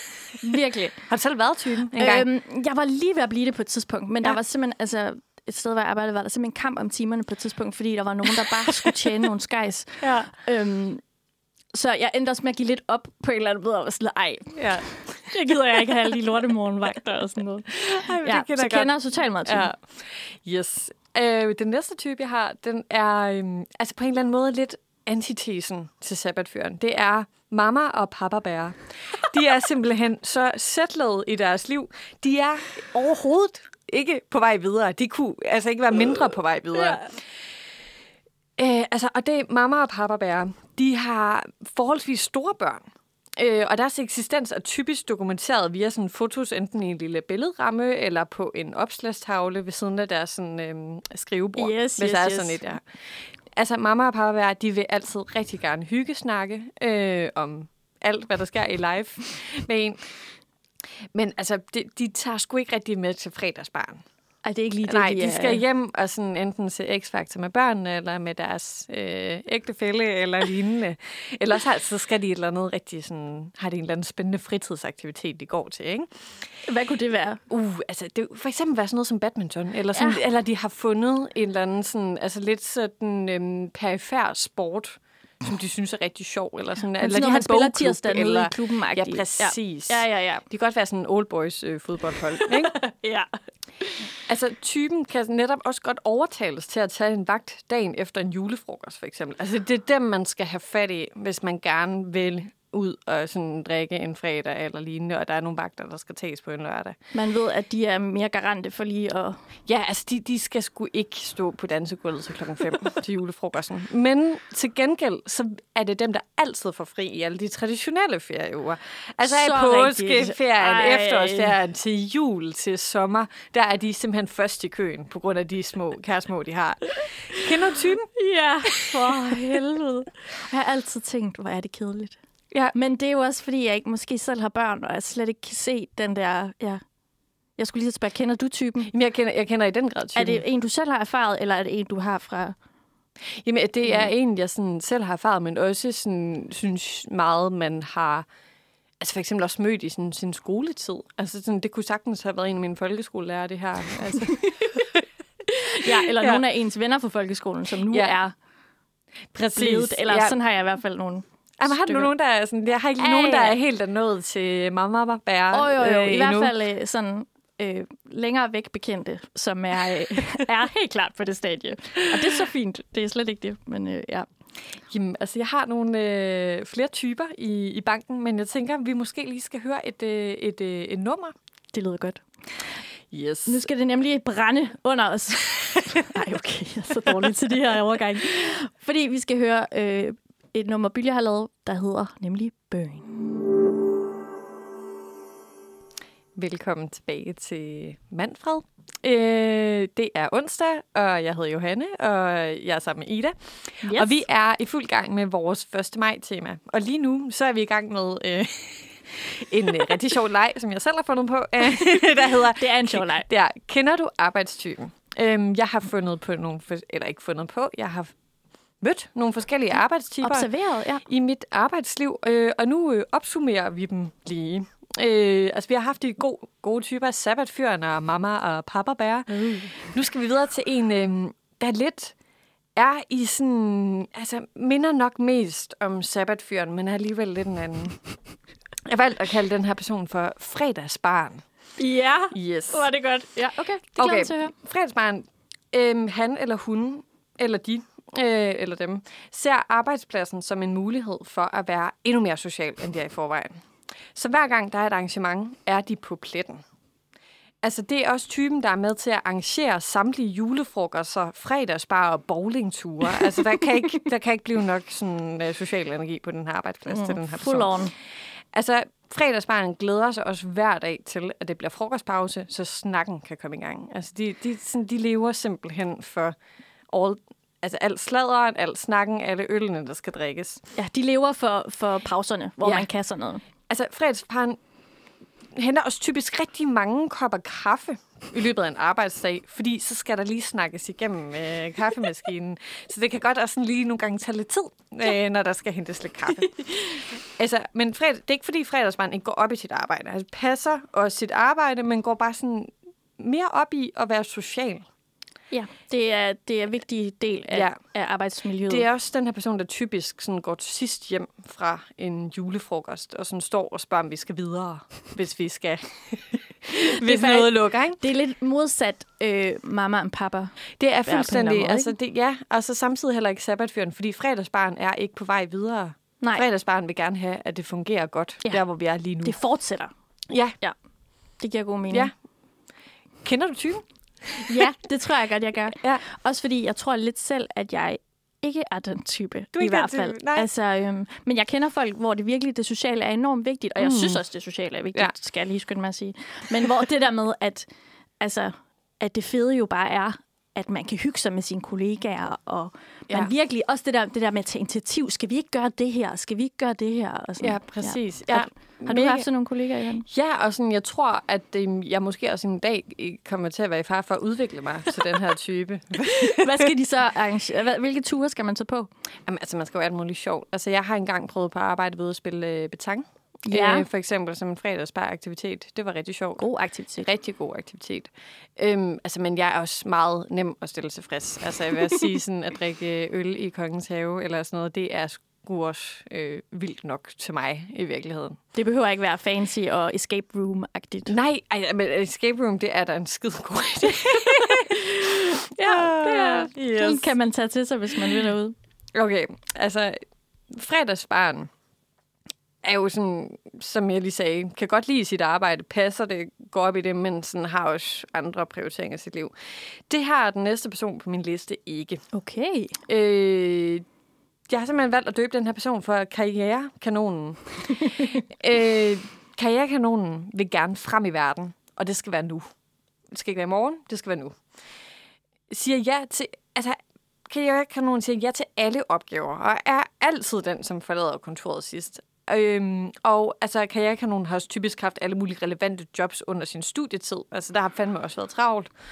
Øhm, men det kommer også alt sammen personen til gode nu. Fordi altså, karrierekanonens karriere er på vej et sted, og det er op af Der er styr på øh, Der er styr livet. på det hele. Ja. Altså, hvis der er en forfremmelse, der er mulig, så griber karrierekanonen ud efter den, og får den også som regel. Øh. Altså, karrierekanonen er altså, men er også rigtig sød, og vil gerne sine kolleger, vil gerne fællesskabet, øhm, men også for at skabe det bedste øh, sådan, altså, udbytte af deres arbejde, som man Ja. overhovedet kan. Det har også en, øh, et, sådan, et arbejdsmæssigt øh, formål, Ja, at man altså, skal... Øh, Alt, altså, det er virkelig det, vi snakkede om før, med at identificere sig med sit arbejde. Det gør karrierekanonen i den grad. må jeg spørge om noget? Ja. Har, øh, har karrierekanonen selvtillid? Altså, er der også... Øh, Jamen, altså, jeg, jeg, nogle gange er jeg lidt i tvivl om karrierekanonen. Altså, øhm, om virkeligheden er meget, meget usikker. Ja. Og om det så kommer til udtryk gennem en eller anden kæmpe jagt øh, på det her. Fordi det der også er ved karrierekanonen, det er sådan, karrierekanonen forstår ikke helt, at andre kan have et andet syn på arbejdet, end karrierekanonen har. Altså, så hvis man er lidt mere slackeragtig, så kan karrierekanonen godt være sådan lidt, jamen jeg troede da, at det var din livsdrøm at have det her arbejde, og hvorfor er du ikke sådan det her først og det her næst? nej, så karrierekanonen vil aldrig forstå, at dem, der sad og kiggede på, at når præcis klokken slog 16, så Ja. havde man lukket sin laptop og var på vej afsted. Præcis, præcis. Og det fører mig faktisk lidt videre til, altså karrierekanonen, de har simpelthen også en antitese. Det er pauseknappen. øhm, altså, pauseknappen kan måske godt minde lidt om fredagsbarn, men er ikke en festtype.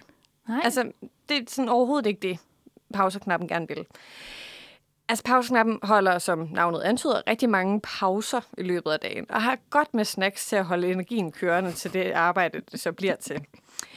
Og altså, det er også typen, der godt kan finde på at kigge lige lovlig meget på uret. Altså, det er simpelthen mennesket, der går klokken 16. Altså, den går så snart snittet er til det. Ja, hvis man overhovedet kan få fri. Så skal man have det. Ja. Altså, det er typisk, altså sådan pauseknappen vil kunne komme i rigtig mange kon- altså konflikter med karrierekanonen. Men de kan måske også godt lære lidt af hinanden. Ja, hvordan? Ja. Jamen, altså, jeg tænker da, sådan, karrierekanonen tror jo, at arbejdet er det vigtigste i hele verden, mens pauseknappen måske er rigtig meget sådan en, der er der for the money, øh, og ikke for særlig meget andet. Der er jo det der, øhm, jeg ved ikke, om det er et udtryk, jeg har fundet på, eller om det er noget, man bare siger, men du ved, work-life balance. Ja, Måske kunne de øh, hjælpe hinanden med at finde en... præcis. Balance. Fordi der er, der, er sådan, der er virkelig skævhed hos dem begge to. Det, det var simpelthen det var de typer, jeg havde, og jeg har også tænkt lidt over, hvad jeg selv er for en ja, hvad, hvad er du for en type? Jamen, jeg ved ikke, om jeg er nogen af dem her. Jeg tror, jeg er. det er også det, men det er nogle gange lidt svært at finde ud af, hvad man så selv er. Altså, øh, jeg er sgu nok selv... Altså, jeg tror, jeg er en blanding af fredagsbarn og karrierekanonen et eller andet sted. Ja, det, Ja. ja. det kan jeg sagtens øh, se for mig. Det kan du godt se for Ja, dig. altså også i forhold til det, vi snakkede om tidligere med, at have lidt en drøm om at være businesswoman på en eller anden måde. Ikke? Præcis, Ja. ja. men så samtidig også være sådan glad for noget socialt. Hvem ser du dig selv som? Eller kan du finde på en helt ny øh, type, som... Øh, Jeg er nok øh, karrierekanon, men også karrierekanon, der meget hurtigt bliver stresset. så sådan, stræber efter at være karrierekanonen, bliver det sgu nok ikke helt på en eller anden måde. Nej, altså fordi karrierekanonen, det er jo også typen, der simpelthen sådan ikke får stress, vil jeg Ja, også sige. det det. Altså, jeg vil, jeg vil sådan sige, at det sådan, som slet ikke sådan, det kunne ikke falde dem ind, øh, faktisk, at blive overvældet. Fordi det, det. det er det, de vil. Ja, Det og der, kan, der, der må jeg også bare sige, der er jeg sgu ikke lige så badass, når det kommer til det. Nej. Så øh, jeg sådan aspire efter karrierekanonen, bliver det ikke helt ærligt, tror jeg. Og det er måske også. Jamen det, ja, altså det er måske også bare det, man skal, Ja. Skal sådan finde sig til rette i. Ja, ikke? Jo. Hvad hedder det? Tak, Johanne. Det var, Det var virkelig sjovt, det her. Det og, øh, altså, hvis du nu først lige er tunet ind og har tænkt, at jeg vil gerne høre om de arbejdes, andre arbejdstyper, så husk, at vi udkommer som podcast, så der kan du høre mere om, øh, om fredagsbarn og alle de andre typer. Lad os, øh, lad os høre et nummer. Vi skal nemlig have Unlock Me af Tara Lila. Klokken den er nu blevet 10.36. Du lytter til Manfred, og vi er jo simpelthen godt i gang med vores 1. maj-tema, som vi kører hele dagen i dag. Øhm, og nu er vi kommet til øh, noget spændende, synes jeg i hvert fald. Fordi at vi skal, vi har, altså 1. maj er jo sådan et, øh, hvad kan man sige, der sker rigtig mange ting. Altså Ja. masse begivenheder, og hvor vil man gerne lige til 1. maj henne, og hvad, hvad kan man egentlig overhovedet lave 1. maj? Men altså, vi har så prøvet nu at lave en lille guide til, hvad kan man egentlig lave 1. maj? Øhm, Ja. Jamen, altså, øhm, jeg tror, vi simpelthen bare sådan starter altså, i epicentret for 1. maj. Ja. Det er Fælledparken i, øh, i København. Øhm, og altså, vi starter lige med at komme en sådan kort introduktion, hvad det officielle program byder på øh, i Fælledparken. Øh, og sådan, der er rigtig mange af de andre programmer, som vi skal forbi lidt senere, som alle sammen ender i øh, Fælledparken. Altså, det er simpelthen, det er det bankende hjerte det er i, godt sagt øh, den her epicentret, synes jeg. Ja, ja. Jamen, det er godt. Men altså, 12.45 søndag, 1. maj, starter det hele med en faneindmarsch. Uha. Rigtig gymnastik. Ja, det er øh, rigtig føler jeg, gymna- Ja, sådan meget sådan, øh, demonstration og gymnastik-vibes. Altså, det er spændende. øhm, efter den her fanemarsch, så kommer der til at være en lang række taler, der bliver afbrudt af noget musik. Øhm, og nogle af talerne, vi kan glæde jer til, kommer blandt andet for øh, FN, hovedstadens formand, P- G. Olsen. Han går på kl. 13, altså som en af de allerførste. Åbner Øh, ballet, kan man sige. åbner simpelthen ballet. Øh, Mads Bilstrup fra Dansk Socialrådgiverforening øh, overtager kl. 14.45. Og øh, kvart i fire går Grete Christensen på, så hun er formand for Dansk Sygeplejeråd. Så vi har simpelthen en masse sådan, øh, organisationer øh, øh, dækket ind her. Okay, der kommer også til at være musik. Jubi! Yes, til de lidt mere sådan øh, feststemte typer. øh, det er kunstneren Aksglæde går på kl. 13.30, øh, og Blæst afslutter programmet kl. 16.30. Sejt. Yes. I kan finde hele programmet i øh, det officielle event på Facebook. Øhm, så der kan I bare gå ind og kigge, om sådan, der er noget andet, som vi ikke har nævnt, som, øh, som simpelthen tiltrækker mere. Yes. Øhm, enhedslisten er en af de øh, partier, som også simpelthen har engageret sig i øh, 1. maj, sjovt nok. Det er virkelig en af forkæmperne for det. Det må man sige. Øh, og de har simpelthen inviteret til styrkelse af, det inter- af den internationale solidaritet på Blågårdsplads. Øh, her vil fokus være på at støtte øvrige lande tværs over grænserne og insistere på fred i Ukraine. Altså, jeg tænker også, det bliver et kæmpe tema. Det kan man søndag. næsten ikke komme Ja, udenom at man tale om, ikke, vil ja. jeg sige. Øhm, det starter kl. 10.30. Øh, og øh, efter kl. 12, så vil man bevæge sig mod Fælledparken. Det er jo bare sådan der epicenteret. øh, always, øh, all roads lead to Fælledparken, apparently. Præcis. Øhm, du kan igen finde hele programmet på Facebook, øhm, eller gå ind på enhedslisten Københavns side og trykke på, så kommer der nogle begivenheder frem. Socialdemokratiet, som jo også er en gammel kending i den her kontekst, øhm, har Et øh, telt i Fælledparken, øh, hvor Togas vin- vinstue vil stå for en hyggelig bodega-stemning gennem dagen. Okay. Ja, ja. Det vil de blandt andet gøre ved at medbringe konceptet Bodega-kongen, gæstebartender, politiske brandtaler og ikke mindst musik med John Monsen Tribute og Benny and the Black Ties. Det lyder som noget god dansk top på en eller anden Ja, måde. det, er- altså, jeg er også lidt i tvivl om, det hedder Benny og The Black Ties, eller Benny and The Black Ties. jeg synes, det er rigtig sjovt, hvis det er med og. Ja, ikke? Øh, øhm, altså her starter det klokken øh, 13. Øhm, så altså, det kan man simpelthen også lige, øh, hvis du er sådan til bodega-stemning, Ida. Hvad er dine egne planer? Altså, jeg er jo faktisk øhm, typen, der godt kan lide at se 1. maj på TV2 News. det ved jeg, jeg, jeg, altså det må jeg bare sige, jeg elsker TV2 News, og det er ikke altid lige godt, men Ja. jeg hygger mig, og så hører nogle, du ved, analyser, som lidt, altså det er ikke fordi, de siger det helt store, men på en eller anden måde, så slapper jeg bare godt af. Men jeg Ja. har tænkt på, at i år skal jeg måske, fordi jeg bor tæt på Fældeparken, mm. jeg har tænkt, måske skulle man lige... Måske skal lige kigge og se, Ja. hvad det, ned af, hvad det hele handler om. Ja, det tænker jeg. Skal du i Fældeparken, Johanna? Men, altså, jeg har faktisk heller ikke de store planer om at sådan markere det andet end med lidt TV2 News kigning. altså, man har jo drømmer jo altid om at høre Hans Engel udlægge ja, Præcis. verden. Har du forresten set, at nogle gange, når de optager hjemme fra ham, Ja. så er der sådan en pibehylde, hvor der hænger Ja. piber ned. Ej, altså jeg, Jamen, det, tosset jeg kender jo nogen, der, har arbejde, der arbejder på TV2, øhm, og øh, de har fortalt, at sådan, altså, under corona, de fik jo bare sådan monteret sådan en fast kamera hjemme hos Hans Engel, fordi han er så central for dem.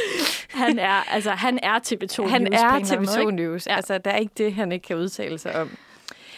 Yes. Så det kan vi jo måske også anbefale, at hvis man ikke er til en aktivitet ude i det fri, så bliv der på news. Og, øh, Ja, altså sådan, øh, radio og news og alt, hvad du... Sådan, du kan også bare simpelthen følge med på afstand. Det er også en mulighed. præcis. Yes. Præcis. Godt. Jamen, altså, jeg tænker, at inden vi går videre med den her guide, så skal vi lige høre lidt musik. Det skal vi nemlig. Øh, Malou har lavet nummeret Still Breathing, og det er det, vi skal til at høre nu. Det skal vi nemlig. Velkommen tilbage til Manfred. Øh, hvis du først nu er tunet ind, så kan jeg fortælle dig, at øh, mig, Johanne og min medvært Ida, vi, har, vi er i fuld gang med at give dig en kæmpe guide til din kampdag på søndag. Øh, og øh, vi har lige opfordret til, at hvis man simpelthen tænker, jeg skal intet den dag, så kan man også bare følge med på TV2 News. Det er vi nogen, der nok højst sandsynligt kommer til at gøre selv. Det er vi nogen, der ret godt kan lide. Ja. Men, yes. Ida, kan du tage os lidt videre i den Ja. her guide? Altså, vi er fældeparken lader til at være det store bankende hjerte. øh, Fuldstændig. Men hvad er der ellers Jamen, på nu skal menuen? du høre. Fordi at øh, der er jo, kender du HK? Det Ja. er øh, Danmarks tidligere, det der kaldte Handels- og funktionærende, Kontorfunktionærernes Forbund. Og nu er så bare et, et fagbund, fagforbund med, øh, med samme tema, kan man sige, men under FH. Og de har på Arbejdermuseet, som jo er her i Yes. København, fra klokken 9 også lige øh, stablet en lille begivenhed på benene. Øhm, men man kan sige, at modsat de andre øh, events og ting, man kan tage til, så skal man faktisk her melde sig til. Fordi der er kun plads til 300 mennesker. Øhm, og så skal man lige skrive en mail, og I kan okay. lige få mailen her. Øh, den hedder vkc hk.dk.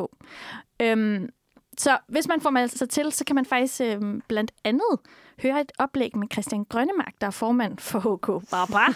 Nå, nå.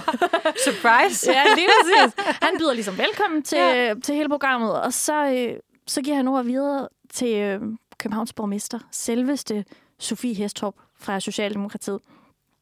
Hun vil øh, uddele dette års ankerpris, og så vil der være øh, den danske forfatter og journalist Alex Frank Larsen. Han vil fortælle om, øh, om sin nye bog, der hedder Fra Anker til Mette. Det er rigtig sjovt, det er sådan, Anke Jørgensen bliver, bliver nævnt her, for jeg har faktisk en lille fun fact. Nej, om kom med. Maja og Anker. Maja Anker. Jeg bor jo faktisk i øh, den... Øh, han boede jo i en øh, almen bolig, sådan, også mens han var statsminister, og sådan helt indtil han kom på plejehjem. Og, altså, jeg bor ikke i sådan selv samme lejlighed, men jeg bor i hele det kompleks, hvor han boede. Så vi har sådan et fælles lokale, der hedder Ankers Gård. Nej, hvor sjovt. Ja. Så jeg, sådan, jeg nyder nogle gange at gå rundt og tænke sådan, uh, Her har Anker også siddet og drukket en øl. Åh, det er noget gode mand. Det kan man godt forestille Ja. sig. Ham ikke sidde sådan... Ja, her kioskerne og sådan noget har Ja. han også kommet i. Og sådan det, der er også en lille statue af ham. Så sådan Anker, han, han fylder meget i min, i min hverdag. I din hverdag. Ja, Det kan være, at du skal til det arrangement, så. sikkert. Altså, ej, det, jeg tror simpelthen, jeg bliver hjemme med... jeg tror, jeg bliver med Anker i vores gård Okay. og hygger. Det er også fair nok. Ja. Øhm, nå, men øh, det hele det så slutter med en eller det slutter med en tale fra forbundsformanden for HK. Hun hedder Anja C. Jensen. Og så øh, kl. 12, så vil der så være en, og gæt en gang, fanemars. Og hvor tror du, de skal hen, Johanne? Men jeg gætter på, at det er fældepakken. Ding, ding! Oh Korrekt. my God, de skal til yes. fældeparken, hvor Ja. alt jo ligesom sker. Men du kan, altså, du kan se hele eventet på Facebook, øhm, hvis du nu er, øh, er mere interesseret og lige skal have genopfrisket mails og så videre. Okay, Johan, er du klar til et nyt arrangement? Det er jeg i hvert fald. Kan du godt lide brunch? Ja, det kan jeg rigtig godt. Okay, så tror jeg måske, det har noget for dig faktisk. Fordi Spændende. Øhm, hvis du nu også, ja, ligesom Johanne, godt kan lide brunch, så har Frit Forum i København lige en begivenhed, som er noget for jer, tror jeg. Fordi øhm, de starter dagen ud på deres hovedkontor øh, på Zoomsgade her i København, hvor øhm, der er så brunch kl. 10. Og så vil der være en gæt en gang velkomst fra formanden, øh, Kasper Stisen, og, øh, og så vil, de, øh, vil den danske advokat og socialdemokratiske politiker, ham der hedder Michael Windfeldt, han vil holde en tale. Og så fortsætter programmet ellers videre med, øh, med flere taler. Øhm, han, blandt andet en, der hedder øh, Paul Olof Nyrup Rasmussen. Altså, Øhm, en, der hedder... you know the guy, right? Ja, Paul Olof. Paul Øh, Olof, ikke? Paul Olof. Øhm. Øh, jeg tror, jeg er bedre kendt under, sådan, kan man kalde det hans øh, gangsternavn, eller kunstnernavn, eller hvad fanden, øh, Paul Nyrup. Præcis. Han var jo som bekendt statsminister øhm, tidligere i Danmark for Socialdemokratiet. Og han kommer, den skønne mand. Og så øh, måske hans lidt modpolagtig, på nogle måder i hvert fald, nemlig øh, formanden for Dansk Folkeparti, Messersmitten. Øhm, han kommer også lige og holder en tale. Ej, jeg havde simpelthen glemt, at han var formand for det parti nu. Ja, det skal man lige vende sig til. Det skal man, ikke skal man lige sådan, altså man, det, er jo sådan, det er jo fint, at så kommer der Paul, der synes, og så kommer der den ikke stuerene Morten. Præcis. Tulle er væk fra tronen. Tulle Morten sidder gone. på kronen, Yes. som man siger, ikke? som, som man siger. Nå, øhm, efter talerne er færdige, Mm. så skal vi gå en tur. Hvor tror du, vi skal hen, Johanne? Jamen, altså, jeg, jeg tænker, at det måske starter med F. Ja. Øh, så kommer noget, der hedder L'et bagefter. så noget med en park. Altså, er det Ja. fældeparken igen? Ding, ding, ding. Yes. Det er selvfølgelig Ja. fældebakken. Ej, hvor godt. Så øh, man kan sige, uanset hvilket event du tager til, så kan du være sikker på, at du nok skal ende i fældepakken på et tidspunkt.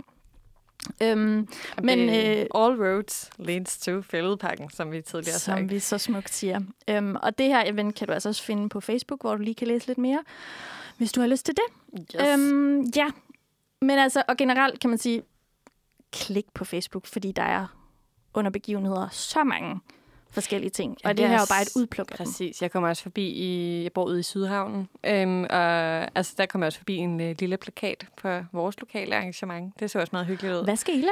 Jamen, altså, der er, vi har sådan en kulturhus slash bibliotek, der hedder Karns Minde. Kender? Det er så fedt sted. det er super dejligt. Øhm, og der holder de... Øh, altså bare, sådan, jeg fik kun, simpelthen kun læse om det bliver hele dagen. Jeg ved ikke, om de også ender i fældeparken. Det lignede, det var sådan en hel dags ting. det kan faktisk være, Nogen, det, der ikke tager til nogen, der ikke tager til fældeparken. Det er i hvert fald et stykke, et stykke vej fra Sydhavnen til Østerbro, ikke? Åh, oh, det er en længere gåtur, Ja. ja. kan man sige. Ja. Men altså, Man kan godt, hvis man har den røde fane med, så kommer man jo langt. det, det, så kommer man nemlig så langt. Yes. Godt. Det var simpelthen øhm, det, vi lige havde valgt at bringe til jer i forhold til øh, guides til, hvor du kan tage hen på 1. maj. Yes, og nu skal vi simpelthen lige til at høre øh, dagens sidste nummer. Det hedder Tag mig med, og det er med Lærke Lille. Det gør vi nemlig. Velkommen tilbage til Manfred. Du øh, lytter til mig, Johanne, og min medvært Ida. Og øh, du lytter faktisk ikke til Manfred så meget længere endnu. Så Nej, vi skal til at sige tak for i dag. Øhm, ja, altså vi har jo lige snakket lidt om øh, 1. maj arrangementer, og vi har snakket om arbejde, og vi har snakket om arbejdstyper og hele historien bag øh, den internationale kampdag. altså, det har simpelthen øh, arbejde, arbejde, arbejde, ja. Har været... Øh, Det er en arbejdsspecial i dag, kan man Yes. sige. Ikke? Øhm, men ja, jo meget relevant, synes jeg. Og jeg, jeg føler i hvert fald også, at jeg er blevet klogere. Ja. Og det håber vi selvfølgelig også, I er derude. ja, Øhm. altså det er jo simpelthen det er jo ikke målet, at vi to skal blive. Det jeg håber, I alle andre Ja, også er, det er med på den. Jeg synes det var enormt sjovt, Johanna, at høre om dine arbejdstyper. Og det er godt at Øhm, høre. Kan du lige bare lige riste dem op igen? Bare Jamen, kort, hvad de var, de hed. Yes.